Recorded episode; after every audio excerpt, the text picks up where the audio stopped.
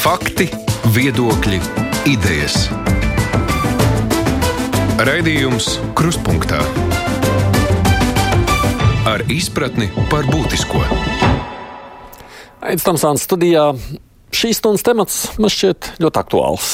Kaut arī mēs to pirmo vīrusu vilnu Latvijā pārdzīvojam krietni sekmīgāk nekā daudz citas valsts, ir jau skaidrs, ka ļoti ilgstoši šādā karantīnā sēdēt arī nav iespējams. Vakcīnas vēl nav, un visticamāk, šogad nebūs. Zāļu arī nav, bet ar vīrusu un to jauno situāciju kaut kā ir jāsadzīvo. Kā to izdarīt, lai nu, paliktu dzīvi un arī naudu varētu pelnīt. Visā pasaulē valsts strādā pie plāniem, kā to paveikt, nu, un, protams, arī mums tas ir tikpat aktuāli. Kam tad esam gatavi? Kā tas varētu notikt, cik tas būs droši? Mums jautājumi ir tiešām daudz. Šobrīd attālināti raidījumam ir pievienojušies Rīgas Austrumkliniskās Universitātes slimnīcas infektuoloģijas galvenā speciāliste Ludmila Vīksna. Labdien, Vīksnes kundze! Labdien! Tad arī no darba devēja konfederācijas ģenerāldirektora Līga Meģelsona. Sveicināti! Labdien. LMT prezidents Juris Binde. Sveiki! Labdien! Un arī Saimnes tautsaimniecības agrārās vidas reģionālās politikas komisijas deputāts Daniels Pavļots. Labdien jums! Sveiki! Uh, nu, tas uzstādījums kā tāds ar domu, ka ievērojot noteikts pasākums, piesardzības pasākumus mums ir jādarbina ekonomika. Un jautājums, kā to izdarīt? Droši vien tas vispārējais jautājums Vīksnes kundzei vispirms jums, kas ir, jūsuprāt, tie nosacījumi, kurš tad mums būs jāsaglabā līdz kaut kādam risinājumam, zāles, vakcīnu vai kaut kas tam līdzīgs? Tie tādi nu, obligātie divi metri vai kas tāds? Um, jā, tieši pareizi jūs teicāt, nosacījumu, un to, protams, būs daudz vairāk nekā divi metri.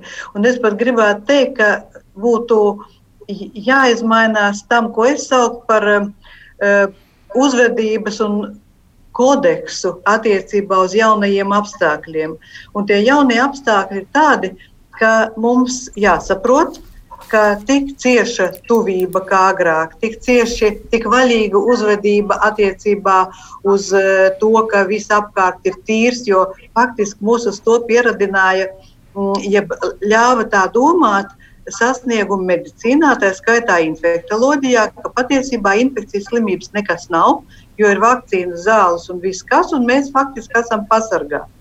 Tāpēc mēs arī daudz ko neievērojam. Un atgriežoties pie tām uzvedības normām, e, mums vajadzētu ievērot, ka katram ir sava personīgā e, vide ap sevi, kuru nedrīkst cits pārkāpt. Ir jāievēro tīrība tādos mm, mēros, jeb, jeb tik nopietni, kā tas bija nu, pat manas vecās mammas laikā, kad jāmazgājās biežāk un ka nedrīkst lietot kopīgus mm, priekšmetus, vismaz jāizvairās no tā. Jo lietas būtība ir tāda, ka jo mazāka būs iespēja mm, mums saskarties cilvēkiem ar vīrusu, un jo ilgāk mēs saglabāsim šādu iespēju, jo drošāku vidi mēs sev radīsim, pat tajos apstākļos, kad vīrus dzīvos vienalga mūsu vidē. Bet uh, visur jau savstarpējos kontaktus izslēgt nemaz nav iespējams. Jā, bet to būs mazāk. Ja, piemēram, agrāk mēs nācām mājās, daudzās ģimenēs ir pieņemts, ka visi sabučojās, samīlējās un tam līdzīgi. Bet tagad es, piemēram, ieteiktu bučoties, mīlēties nevis uzreiz, bet pēc trim vai četrām stundām pēc tam, kad nomazgāts rokas. Ja mēs aizejam uh, uz veikalu vai sabiedriskā vietā, nevis stāvēt blīvi blakus un trīsreiz bučoties kā dienvidu valstīs, bet stāvēt drusku atstats un varbūt mācīties no austrumu tautām, kuras paklanās vai citādi izrāda. Jo katrs gribētos man, varbūt man neiznāk tā pateikšana pareizi, katrs E, kontakts, no kura mēs varam izvairīties, ievērojot vai divus metrus, vai vienu metru, vai pusmetru, vai neaiztikt vienam otru, tas jau var mūs pasargāt vai padarīt mazāku iespējamību inficēties ar šo vīrusu. Meņģelsons kundze, kurajiem darba devējiem ar šo būs vienkāršāk tikt galā, sadzīvot un tiešām strādāt, un kuriem tas varētu būt faktiski nezinu, neiespējami?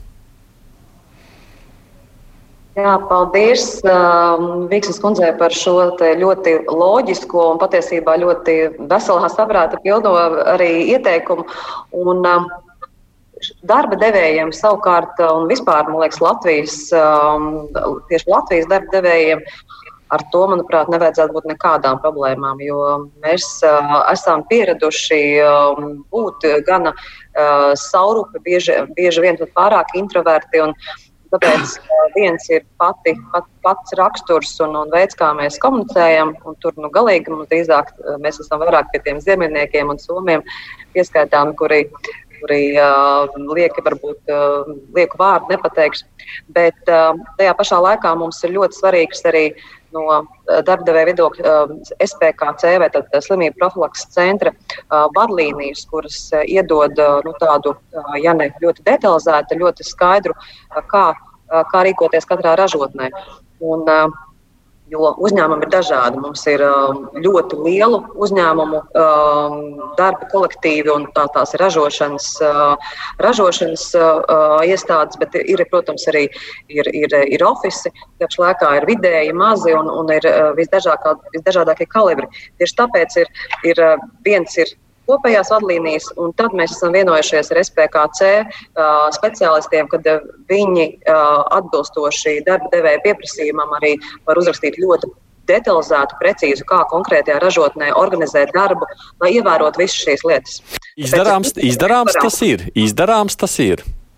Protams, tas ir izdarāms, un es domāju, ka mēs jau pa šo laiku esam jau pielāgojušies. Jo būtībā mums jau nav, uh, nu, mēs neesam šobrīd aizslēguši pilnībā ražotnes, un, un visi uzņēmēji pielāgojas jau no faktiski no nezinu, pāris dienas bija tādas šoka dienas, un, un tad jau sāka loģiski pielāgoties. Un, un ir, es domāju, ka ir ārkārtīgi daudz inovatīvas uh, idejas, un jau parādās viens ar otru, viens ar otru šīm idejām arī padalās, un, uh, gan sociālajos tīklos, gan, gan, uh, gan visur, kur vien iespējams. Tāpēc es domāju, mēs arī iegūsim daudz labas atziņas, arī organizējot uh, loģistikas un citus biznesa procesus.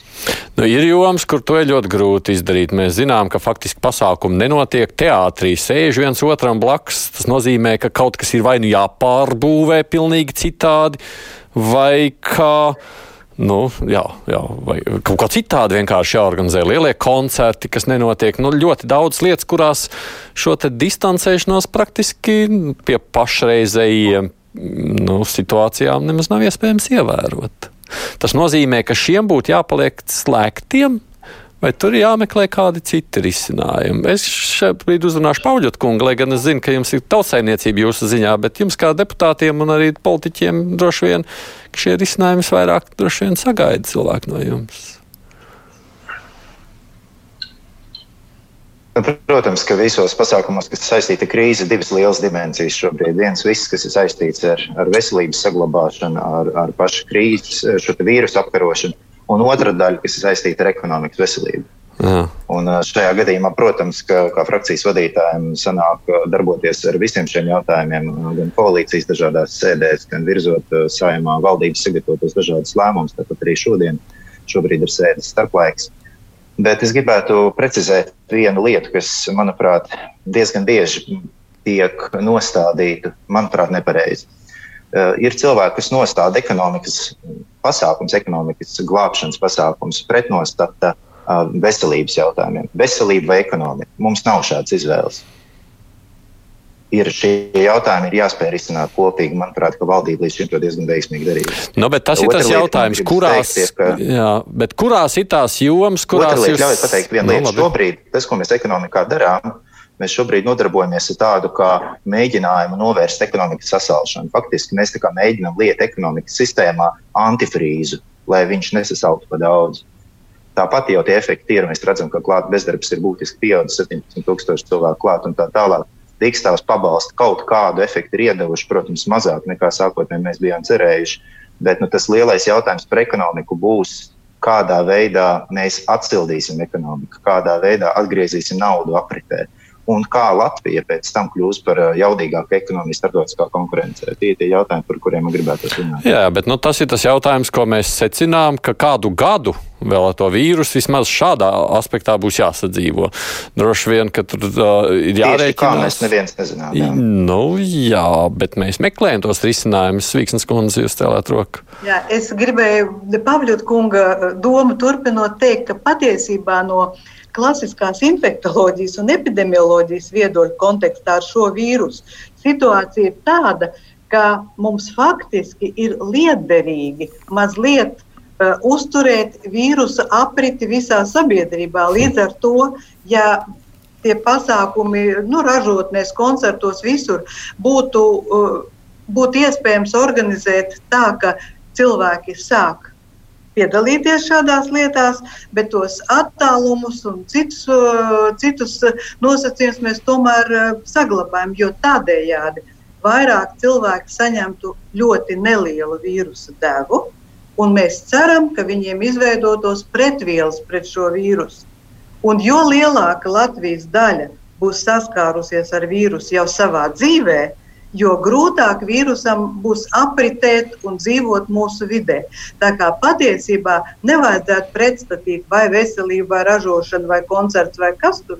Vienkārši ļoti saprātīgi, ļoti pakāpeniski veidot šo situāciju. Nu, es kā nespeciālists iedomājos, piemēram, ja man būtu iespēja aiziet uz koncertu brīvā dabā, bet kur būtu tas uh, virs jumtiņš, audekli virs galvas, un es sēdētu caur diviem krēsliem ar cilvēkiem. Es ļoti, ļoti labprāt to arī apmeklētu. Un, ja bufetē nebūtu rinda pēc tam, man arī tas ļoti patīk, jo es varētu uzturēties atsevišķi. Es pretrunu nesaskatu. Es domāju, ka fantastiskai sadarbībai jābūt pārdomājot, varbūt tērējot laiku uz katra pasākuma pārdomāšanu precīzi bet, eh, bet eh, pret, mm. pretruna nav. Es vienkārši iedomājos, mums ir tikko sacelts vesela virkni koncertu zāles. Tur Liepāja, Ventspils un tur nav. Arī brīvdabas koncertu zāle ir. Jā, brīvdabas jau tā mēs vēl varētu patālināt viens no otru, bet tajās uh, uzceltajās nu, nekas jau šādā aspektā domāts nav. Bindas kungs, vis, es, ne, pa, pa programmu mēs tulītās arī parunāsim, bet tā ir zinkārīgs jūsu uzņēmums, taču var pielāgoties šai situācijai, vai ne? Uh, jā, protams, uzņēmums ir uh, pielāgojies un uh, ir labi zināms, ka sakarnieks pamana tikai tajā brīdī, kad kaut kas nedarbojās, bet uh, līdz šim mums tā neviens nav pamanījis, jo visas sakars sistēmas darbojās. Un, uh, faktiski jau mēs uh, labu laiku pirms šīs uh, krīzes sākuma Latvijā uzsākām uh, darbu, lai, lai tai sagatavotos. Tā skaitā arī, lai daļa cilvēku varētu, lielākā daļa darbinieku varētu strādāt attālināti. Šī sistēma tika izveidota ļoti ātri, dažu dienu laikā.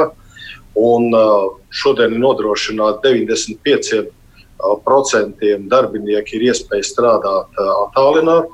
Nu, reālajā dzīvē strādā apmēram 70-75%, jo ir darbi, kurus nevar veikt attālināti, kā piemēram tīkla uzturēšana, tīkla vadības sistēmas un, un viss tas, kas ir saistīts tieši ar, ar konkrētu fizisku darbu.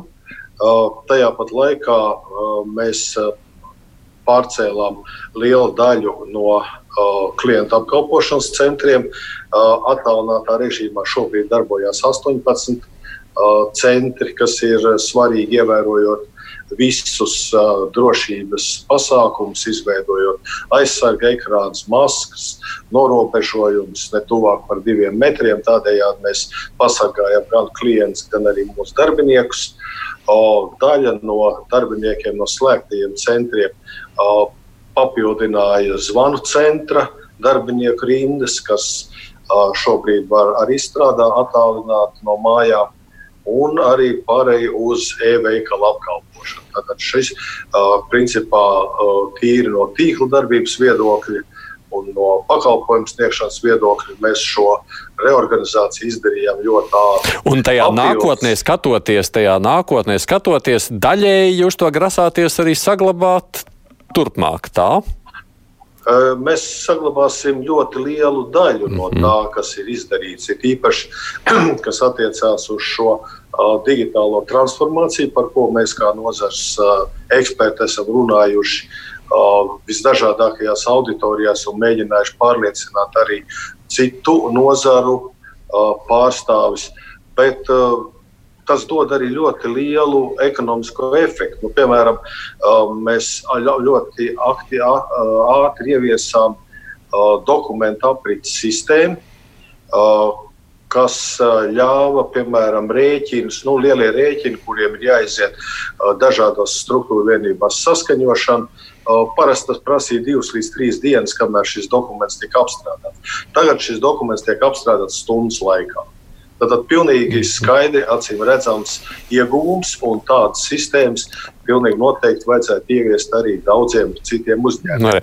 No, šeit ir, jā, šeit no. ir viena būtiska, būtiska lieta. Nevar automātiski pārcelt esošos procesus digitālā vidē. Ir šie uh, procesi ir jāpārstrādā tā, lai viņi tiešām dotu efektu un lai uh, digitālajā vidē to apstrāde būtu daudz vienkāršāka. Mm. Nu, dažiem to lietu vispār pēc idejas būs vieglāk realizēt, dažiem šī pielāgošanās būs grūtāka. Viens jautājums, kas ir parādījies, nu, tiklīdz mēs palielinām, ja varam kaut ko vaļā, nu, cilvēku kustība ir lielāka automātiski, nu, sabiedriskais transports ir un paliek. Tas, ko es acīs Linkaiša kungs, sakot, ka tādā gadījumā, nu, piemēram, sabiedriskajā transportā visiem obligāti maskas. Tas jautājums ir Vīksnes kundzei, nu, tas pieņemsim ir viens no risinājumiem, kā, nu, nu, vienkārši kļūstot cilvēkiem, grib vai negrib vairāk skaitā, šādā veidā mēģināt sadzīvot?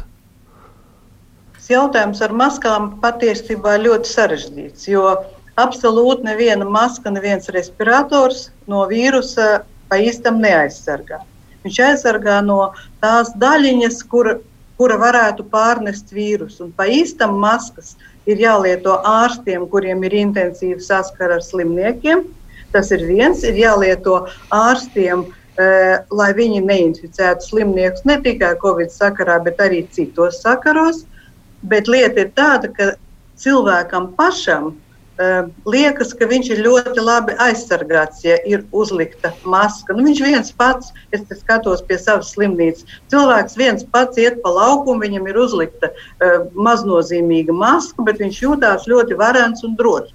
Un tā patiešām arī ir ļoti svarīga lieta, ka viņš tā jūtās. Bet ar uh, maskām, kuras maskas ir jāmaina, uh, maskas ir eh, pareizi jāuzliek. Un, ja tā maska ir nepareizi uzlikta un pa visām pusēm tur nāk iekšā gaisa, piedāvājumi ir tādi um, aizliktņi vai caurspīdīgi tādi veidojumi priekšā. Tur gar malām sanāk tas uh, vīrus nesējs un pēc tam viņš netiek ārā no turienes. Ar tām uh, lupatiņu maskām viņas paliek mitras bieži. Cilvēki viņas bieži regulē un, un ietekmē. Tā kā, un tā sajūta, jeb tā doma, ka maska aizsargās nu, ļoti labi pret vīrusu, tā nav pamata. Bet tas, ka tur, kur ir slimnieki un ārsti, tur gan tam ir milzīgs pamats un tā ir arī vērtība.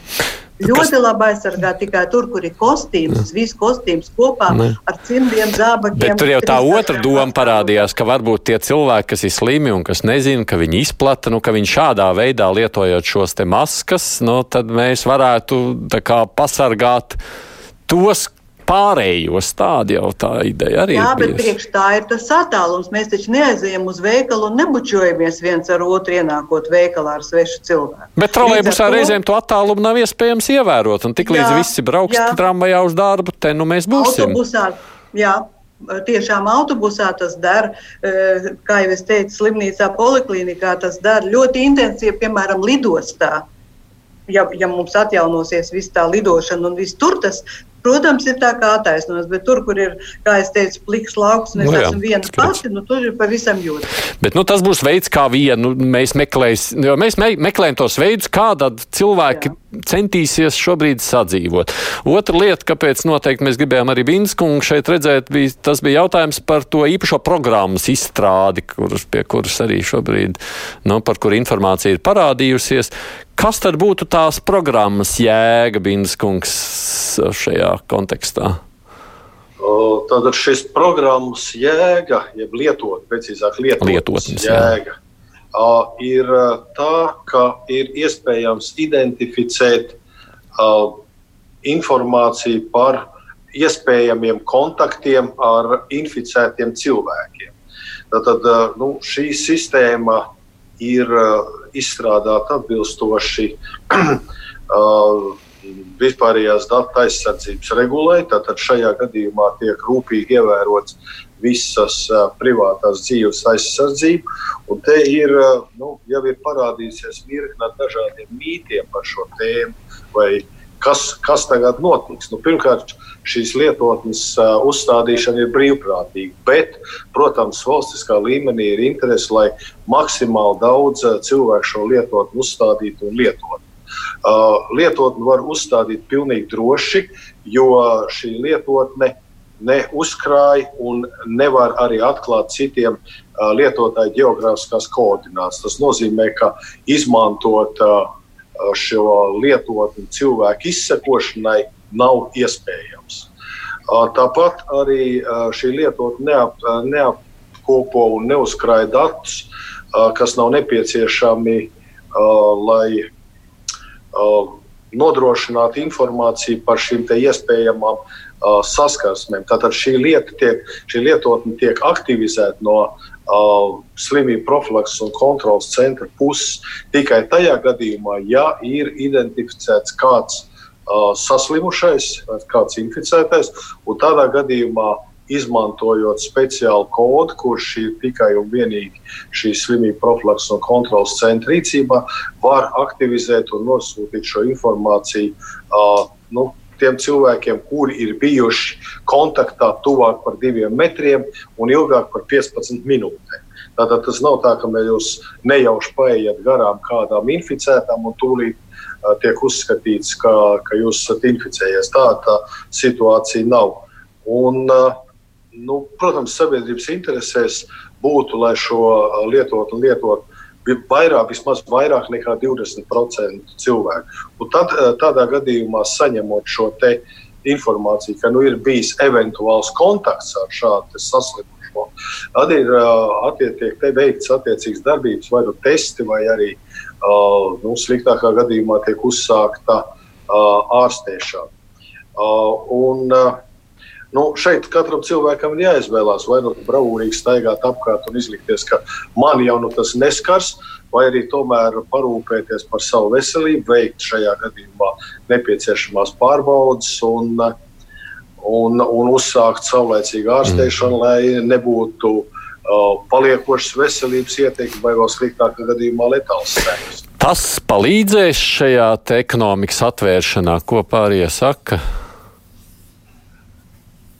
Kā izskatās? Jā, nu, Līga.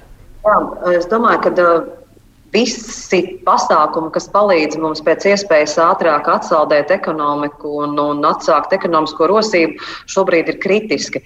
Jo mēs arī veidojot savu plānu redzējumu, mums viens no pirmajiem punktiem, protams, ir epidemioloģiskās situācijas stabilizācija un visu to drošības.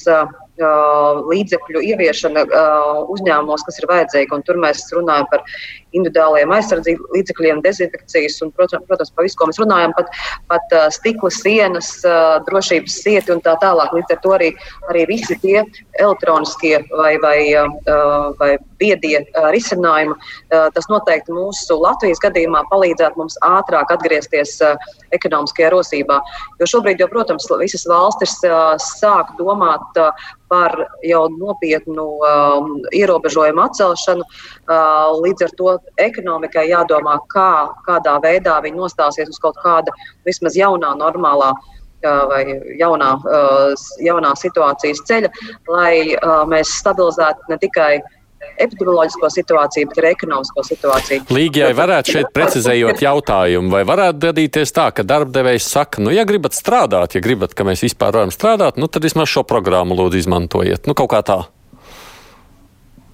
Ja šī programma mums palīdz uh, nodrošināt, uh, atgriezties normālā dzīvē, tad uh, tā ir ļoti vērtīgs pienesums kopējai lietai. Jā, un tā varētu būt darba devēja prasība, piemēram.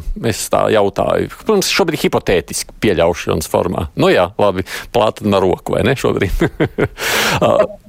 Šobrīd tieši mēs meklējam šos risinājumus, kādā veidā atgriezties uh, normālā darbā. Tāpēc uh, gan uh, tehniskie risinājumi ar dažādiem palīdzības līdzekļiem, gan arī uh, šie viedie risinājumi, viņi ir kā mums ir vajadzīgi, kā patiesībā, nu, lai mēs nodrošinātu vispār, lai mēs nesasaltu tālāk vēl.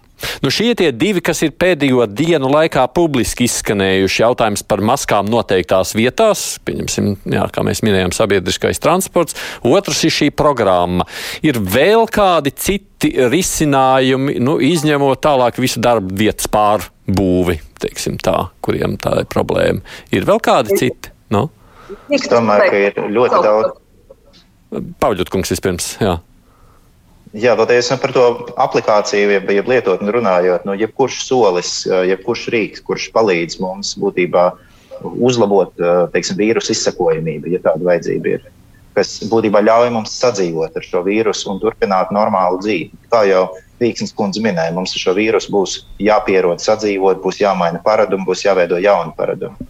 Es domāju, iespējams, iedarbīgākais paradums, kurš varētu nostiprināties un palikt, ir tiešām tehnoloģija lietojums, kā jau Binskungs minēja. Tas ir attālinātais darbs, kurš varētu normalizēties pie kam ne tikai privātā sektora, arī publiskā sektorā. Protams, saprotot, ka būs tādi darbi, kur tiešām vajadzīgs fizisks kontakts, kur ir jāapkalpo cilvēks klātienē. Tur būs jāievēro šīs fiziskās distancēšanās un drošības prasības. Bet tehnoloģijas tiešām var atrisināt ļoti daudzus jautājumus. Arī valsts darbā, arī saimē šobrīd, beidzot, pēc jāsaka, no ļoti konservatīvām desmitgadēm tehnoloģiju izmantošanā, līdz pat šai krīzē viss saimā bija papīrā balstīts, faktiski arī iekšējā apritē. Šobrīd mēs ar straujiem soļiem veidojam digitālo e-saimu. Drīz mēs domājam, nākamā nedēļa faktiski jau būsim spējīgi noturēt saimas pilnīga attālināšanas tiešsaistes digitālā režīmā. Tas nozīmē, ka pieņemsim tādu saimas plenāru sēžu zāli tuvākā gada laikā netiks izmantot. Nu, es atminu. Negluži. Negluži. Tas nozīmē, to, ka jau radīsies, diemžēl, tāda situācija, kad, piemēram, kāds no deputātiem saslimtu, vai būtu kādas citas bažas, vai kā mēs vairs nebūtu paralizēti, mēs varētu strādāt. Jo atcerieties, tad, kad kaimiņu kungs, diemžēl, inficējās, tad faktiski visi saimnieki sēdēja paškarantīnā divas nedēļas, un mēs vispār nestrādājām, mēs nenācām kopā. Šobrīd mēs nākam kopā daļai attālinātās sēdēs. Mēs sēžam tur 2-3 metri viens no otra dažādās zālēs, sazināmies mm -hmm. caur video konferenci un mikrofoniem. To pašu ieviešot digitālo rīku, mēs pilnā mērā varētu darīt faktiski neizējāt no savām mājām, no saviem vēlēšanu apgabaliem. Un, un tas būtu ārkārtas situācijā ļoti vēlams risinājums. Vispirms Vīksnes kundze cēla roku, jālūdzu. Es, es gribēju paturpināt arī Pavļot kungu. Patiesībā arī par tām saimnes sēdēm. Jebkurā gadījumā, manuprāt, ideāls variants būtu tāds, piemēram, attālināt, es nezinu, tur divas vai trīs sēdes, un tad visiem nosacījumiem noteiktiem sanākt kopā. Tad būtu gan tā, tas apmierinājums cilvēkam, ka viņš citus redz un sevi parāda, un arī patiesībā tas darbs attālināt. Jo mana pieredze šobrīd rāda, ka attālinātais darbs patiesībā ļoti grūts reizēm. Nu, es par sevi varu pateikt. Es dažas dienas biju mājās, es no rīta strādāju no, no 8 un izrādījās, ka es beidzu 11. Bet tad, kad es atnāku uz darbu, tad, man, tad kad es eju mājās, man ir kāds brīdis, kad es domāju, ka es esmu darbu beigusi. Un citiem cilvēkiem arī tāpat ir. Un, ja mēs katru, katru to sīkumu ievērosim, četru sēžu vietā, divas, tā kā mēs ar studentiem tur desmit nodarbības attālumā un viena nodarbība pie, tomēr pie pacientiem, tad ļoti daudz kas tiks atrisināts, jo tā var būt. Mm. Cēties mazināsies. Kaut kā gribētu, lai mēs to paši jau ne tikai saprast, bet arī izmantot. Kas nozīmē, arī biežumam ir nozīme. Arī biežumam ir nozīme. Absolūti. Mm. Absolūti mm. Jo, ja mēs desmit reizes aizejam, tad mēs desmit reizes varam inficēt, piemēram, vissliktākā variantā. Bet, ja divas, tikai divas līdz ar to, un ar vien vairāk un vairāk būs maz inficēto cilvēku. Tā kā priekš ražošanas un tādā, tādu lietu uh, atjaunošanās, man liekas, ka mums būtu normāls pamats. Bet es vēl gribēju, varbūt, ja atļaus pateikt, ka tās uh, kompānijas un tie darba devēji, kas ir ļoti turīgi, bagāti un visādi ļoti labi nodrošināti, kādreiz ir tāda situācija, ka uh, tie darbinieku nodrošinājums ir svarīgāks nekā viss pārējais. Nu, piemēram, bet nekā personīgi. Man bija jāmaina simt kartes telefonā. Un izrādījās, man izveidojās situācija, ka man piecas reizes vajadzēja iet uz dažādām vietām, lai tas notiktu. Un tajā brīdī es padomāju, bet darbinieki bija ļoti skaisti. Viņi bija melnos simtos, maskās, divu metru tur nelaida iekšā. Un nu, pa gabalu man bļāva, ka ir Eiropas regula un vispārējais, kāpēc viņi ko tur nevar izdarīt. Man liekas, ka arī uz šo pusi no darba devējiem ir jāpaskatās. Ļoti labi, ka darbinieki ir fantastiski aizsargāti, bet kāpēc man piecas reizes ir jāaiziet? No, nu, tad, tas, protams, ir jautājums ne tikai, kā saka, aktuāls karantīnas laikā. Tas, domāju, jebkurā mēs atgādināšu, pirms es dodu Binskungam vārdu, ka šeit mums sarunā piedalās no Rīgas Austrumkliniskās universitātes slimnīcas infektuoloģijas galvenā speciālista Ludmila Vīksna, Juris Bindere, LMT prezidents no Saimas, deputāts Daniels Pavļots un Latvijas darbdevēja konfederācija pārstāv Līga Meņģelsona. Raidījums Krustpunktā. Jā, Binskungs, es jūs.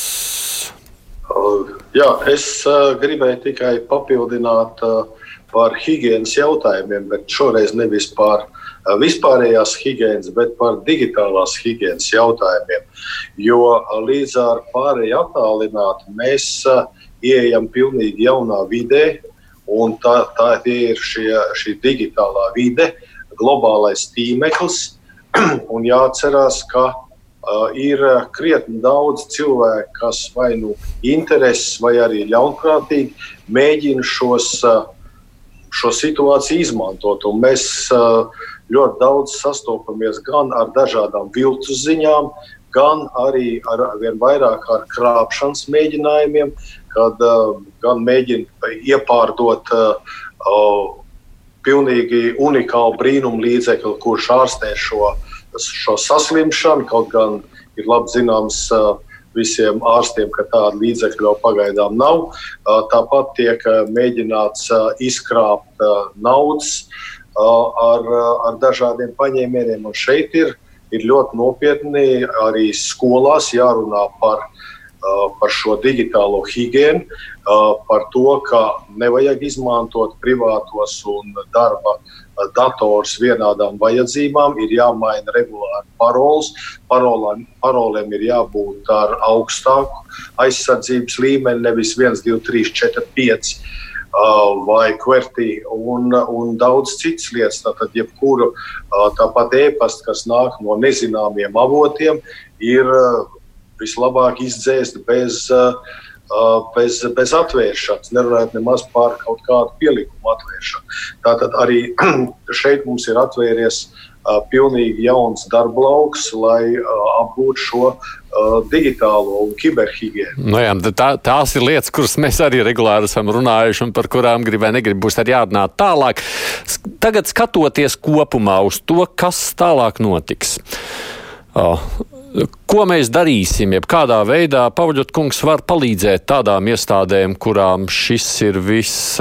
Nu, viss sarežģītākais distancēšanās jautājumi. Nu, tās ir jā, koncerta zāles, nezinu, izstāžu zāles, tie ir droši vien skolas arī, kurām būs jāpaplašina tavu telpu vai, vai sabiedriskais transports, nu viss pārējais. Es domāju, mēs nevaram mest visus par vienu kārti. Uh, uzlabojoties šai uh, epidemioloģiskajai situācijai, protams, ka valdība atvieglos šīs, šos ierobežojumus. Es gribu uzsvērt, ka valdība klausīsies ekspertos kā līdz šim. Tie nebūs politiski lēmumi, tie būs ekspertu zināšanās balstīti lēmumi. Uh, tā pašā laikā būs nozares, kurām grūtības saglabāsies arī turpmāk. Mēs brīnišķīgi saprotam, ka būs piemēram tā pašā viesmīlības biznesā, turisma biznesā, izklaides, atpūtas, kultūras jomās būs ilgstošie sarežģījumi, būs jādod atbalsts un būs jāmeklē risinājumi, kas būs grūtāk nekā citās nozarēs, nekā piemēram IT pakalpojumu jomā, kurš faktiski netraucētu par strādāt, nu, varbūt pat uzplaukst. Man liekas, ļoti svarīgi uzsvērt, runājot par ekonomikas gan atsildīšanu, gan tādu konkurētspējas lēcienu, kur mēs tiešām varam panākt, ka Latvijas ekonomika veidojas gudrāk, zaļāk, inovatīvāk, digitālāk. Tās ir investīcijas cilvēkos. Šobrīd mēs investējam cilvēkos, caur dīkstāvus pabalstiem, lai nezaudētu kompānijas cilvēku kapitālu. Mēs investējam cilvēkos, lai viņi nenonāktu trūkumā, tie, kas ir visvairāk neaizsargāti. Tāpēc ir lēmums par 180 eiro minimālo dīkstāvus pabalstu, tāpēc ir lēmums par šo papildus bezdarbnieku palīdzības pabalsts 180 eiro. Šis grīdas princips sociālajā atbalsta jomā, es domāju, būtu arī turpināms. Mums ļoti jāinvestē cilvēkos, jo pirms krīzes mums trūka darba spēka. Mums bija lielas prasme problēmas. Kompānijām trūka cilvēku ar atbilstošām prasmēm, un no krīzes šo problēmu nemazinās. Tikko ekonomika sāks atgūties un atsilt, mēs uh, pludināsim tur iekšā līdzekļus. Tad uh, izrādīsies, ka šo cilvēku trūkst, izrādīsies, ka cilvēki, kas ir palikuši bez darba, nevar viegli atrast darbu. Mums šobrīd būtu jāveido vērienīgas programmas uh, darbinieku pārapmācīšanai, gan digitālajās prasmēs, gan valodās un citās lietās, kas būs vajadzīgas modernākai Latvijas ekonomikai. Mēs tā kā rēķināmies, ka, piemēram, tajā pašā turisma nozarē vai nu, jā, viesmīlības jomā nu, to viesnīcu visticamāk tuvākajā gadā vai pusotru vispār tiešām nebūs tik daudz vajadzīgu, ko ar to visu darīt. Visu laiku uzturēt tos dīkstāvus pabalstus, sakot, nu cerams, ka pēc pāris gadiem kļūs labāk vai kā. Dīkstāvs pabalsts nav ilgspēlējošs risinājums. Es domāju, ka mums ir eh, šis dīkstāvs pabalsts pieeja būs jāpārskata. Viņi nav nostrādājuši tā, kā gribējās. Pa daļai ir ap 25,000 cilvēku, tomēr viņus ir saņēmuši. Daudz nav saņēmuši, bet tur būs tas krīzes palīdzības pabalsts pieejams. Tomēr līdz ar to kaut kāds risinājums ir bijis. Bet uh, ekonomikai atgūstoties, šī dīkstāvs pieeja vairs nebūs gluži efektīva. Mums būs jāskatās vairāk pēc sektoriem, kurā nozarē kas ir nepieciešams. Tiem sektoriem, kuriem šī krīze ieilgs, būs vajadzīga cita tipa palīdzība. Cilvēkiem, kas būs palikuši bez darba, ir vajadzīga pārapmācība un palīdzība iekļauties tajās ekonomikas daļās, tajās nozarēs, kurā šī nodarbinātība augs. Atkal, ja. Tā kā būs mums jārīkojas selektīvi. Ja dīkstāvs pabalsts bija tāds viens liels, kā nu, nezinu, trūls instruments, ja, teiksim, mēģinājums visai ekonomikai uzreiz ātri palīdzēt, tas nostrādājas tikai daļēji, un turpmāk mums būs jādarbojas gudrāk. Mm.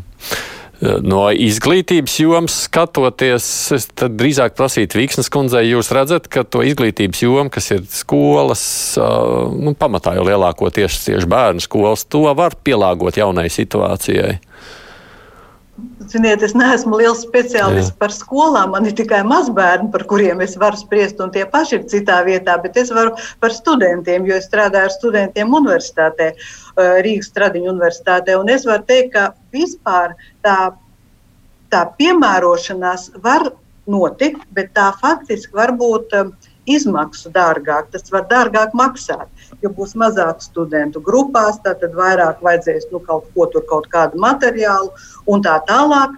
Un, uh, No izglītības viedokļa tā faktiski, es domāju, nebūtu liela problēma, bet no resursu viedokļa tā varētu būt problēma. Prasīt. Nu, kā līdzīgi, tulīt Bīnas kungam dod vārdu, kā līdzīgi sacījuši avio pārvadātāji, ja mēs pārvadājam, ja lidmašīnām lidojam, bet to distanci jāievēro, nu tās biļetes būs divreiz dārgākas. Bīnas kungs.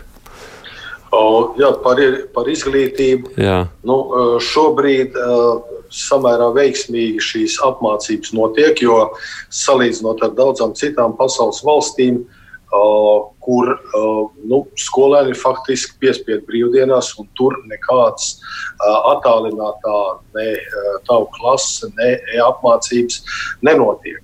Bet arī šis ir ļoti labs brīdis, uh, lai pārskatītu mācību procesu gan pēc formas, gan pēc satura un izstrādāt jaunas programmas, kuras ir izmantojams šādā digitālā vidē, šādā attālinātā mācību procesā. Un tās pilnīgi noteikti būs izmantojams arī pēc tam, kad šī krīze un šī pandēmija būs beigusies. Jo elektroniskā vide dod iespēju daudz inovatīvāk un daudz interesantāk, varbūt pat dažas mācību procesus realizēt. Bet atkal līdzīgi tāpat kā ar ražošanu, mēs nevaram vecos procesus mēģināt iespiest jaunā vidē. Tā kvalitāte ir slikta, process ir samocīts un rezultāts ir slikts. Un tieši tāpēc es aicinātu gan uh, bērnus, gan vecākus, gan skolotājus, pedagoģijas speciālistus, pedagoģijas zinātniekus, universitātes. Strādāt pie tā, lai šīs programmas pēc satura un formas tiktu pārveidotas 21. gadsimta uh, trešās dekādas uh, prasībām. Nu, tās, tās bažas ir tādas, ka iespējams nākošajā ziemā mums atkal būs jāmeklē, kādā veidā tām skolām turpināt mācību. Ja mēs sakām, ka no infektuoloģijas viedokļa nākošā ziema solās būt smaga. Vīksnes kundze. Par, par, to, par to es arī runāju. No, nu mums ir jābūt gataviem. Gataviem šim Vīksnes kundze. Par to smagumu nav tik droši Tur ir ļoti daudz nezināmā, bet es gribēju uh, paturpināt, ko Binskungs teica. Mums augstskolas studentiem bija jau aptauja pēc pirmā mēneša, kā viņiem patīk attālinātās mācības. Un mums daudzi studenti teica, ka viņiem tagad daudz kas liekas pat interesantāk, jo nu, medicīnā ir kā ir nodarbība, desmit studenti pasniedzies, mēs tur stāstam, staigājam pie slimniekiem, runājamies, bet tagad ir ļoti koncentrēti piemēram, divas vai trīs stundas koncentrēt, un pēc tam vienu stundu ar pasniedzēju, tā kā mēs ar jums tagad. Un studentiem ļoti patīk, jo tā uh, informācijas intensitāte un košums, tad ir filma, tad ir attēls, tad ir vēl kaut kas. Tā attrakcija jau arī patīk un ļoti paliek atmiņā. No studentiem droši vien ir vienkāršāk nekā skolām. Runājot Jā, savukārt par darba devējiem vispār kopumā, kā izskatās līga, vai tas nozīmē, ka kādiem nu, tagad jāskatās, kā mēģināt pielāgoties jaunai situācijai, kādiem jāskatās, vai vispār vērts to biznesu uzturēt, un kādiem nebūs liela problēma. Tā?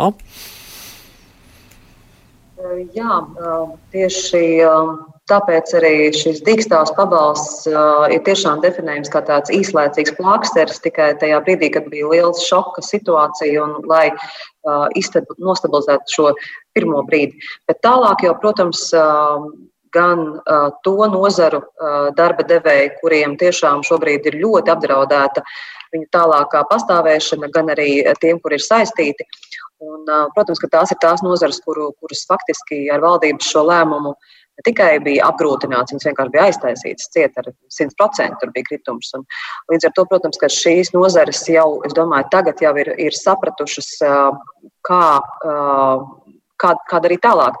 Viens variants ir, viens scenārijs ir tiešām pilnībā pārorientēties uz, uz citu kaut ko. Uh, otrs variants ir, protams, uh, pielāgoties jaunajai situācijai. Kā mēs redzam, ļoti daudzi uh, pat labi, uh, ļoti augsts, augsts līmeņa kvalitatīvi restorāni ir pārorientējušies, un viņi šobrīd uh, ļoti veiksmīgi uh, ar, izmantojot Voltu vai Boltu pie, pieved mājās. Un, Un tā ir pavisam jauna biznesa niša.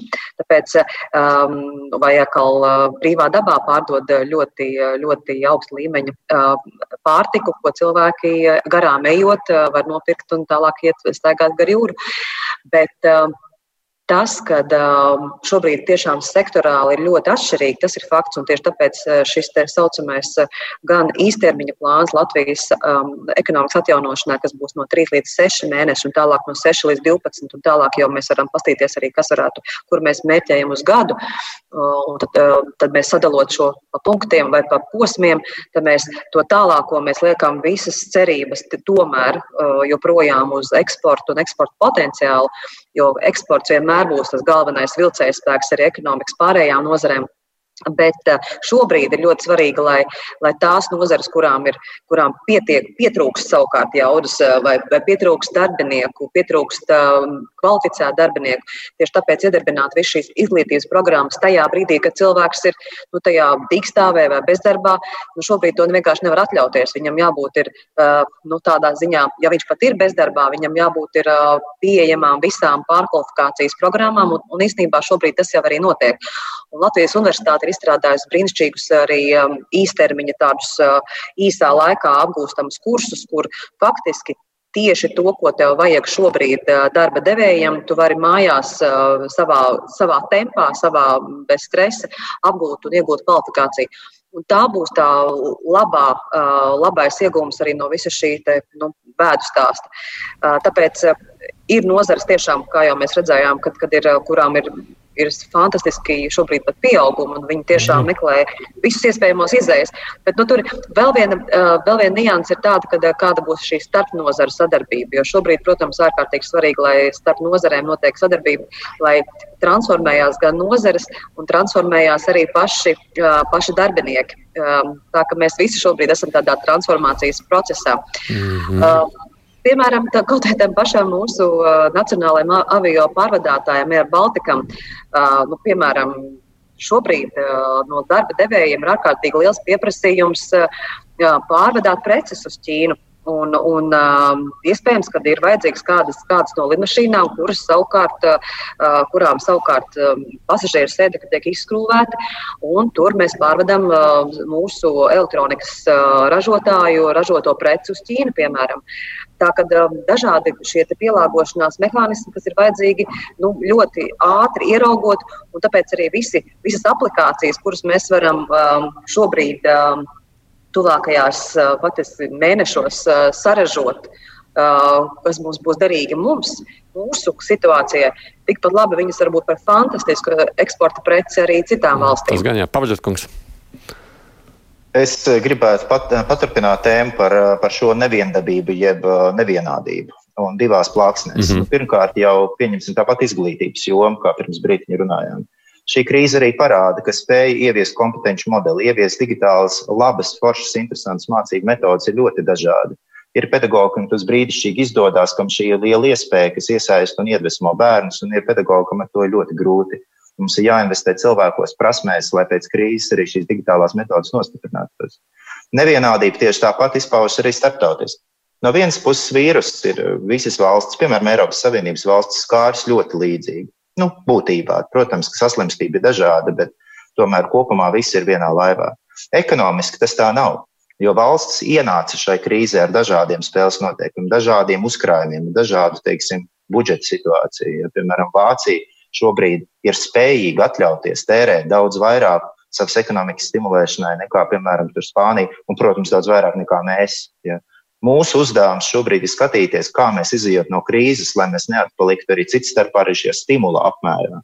Lai mēs būtu spējīgi savā ekonomikā, nu, mēs tā rēķinām, teiksim, paši savā apvienībā, ka, lai Latvijas ekonomika tiešām strauji varētu atgūsties, ka vajadzētu ieguldīt ekonomikā aptuveni 3% IKP stimulu. Ja, tad, nu, tas būtu aptuveni miljards. Šobrīd mēs pie nu, teiksim, šī gada laikā vien stimulos, līdz ar ko Nu, šobrīd mēs vēl esam tālu no šādiem skaitļiem. Ja, tā kā šī nevienādība mm -hmm. mums jāmēģina mazināt, mums jāapzinās, ka tā situācija ir neviendabīga. Pabeidzot, ja mums jānopaļojas, mums ir palikuši 5 minūtes tajā visā stāstā. Binskungs ko gribēja sacīt, jā? Jā, arī jā, par šo tālāko atveseļošanos. Nu, lai, lai varētu kaut ko ārstēt, atkal lietojot medicīnisko terminoloģiju, ir jābūt precīzai diagnozei.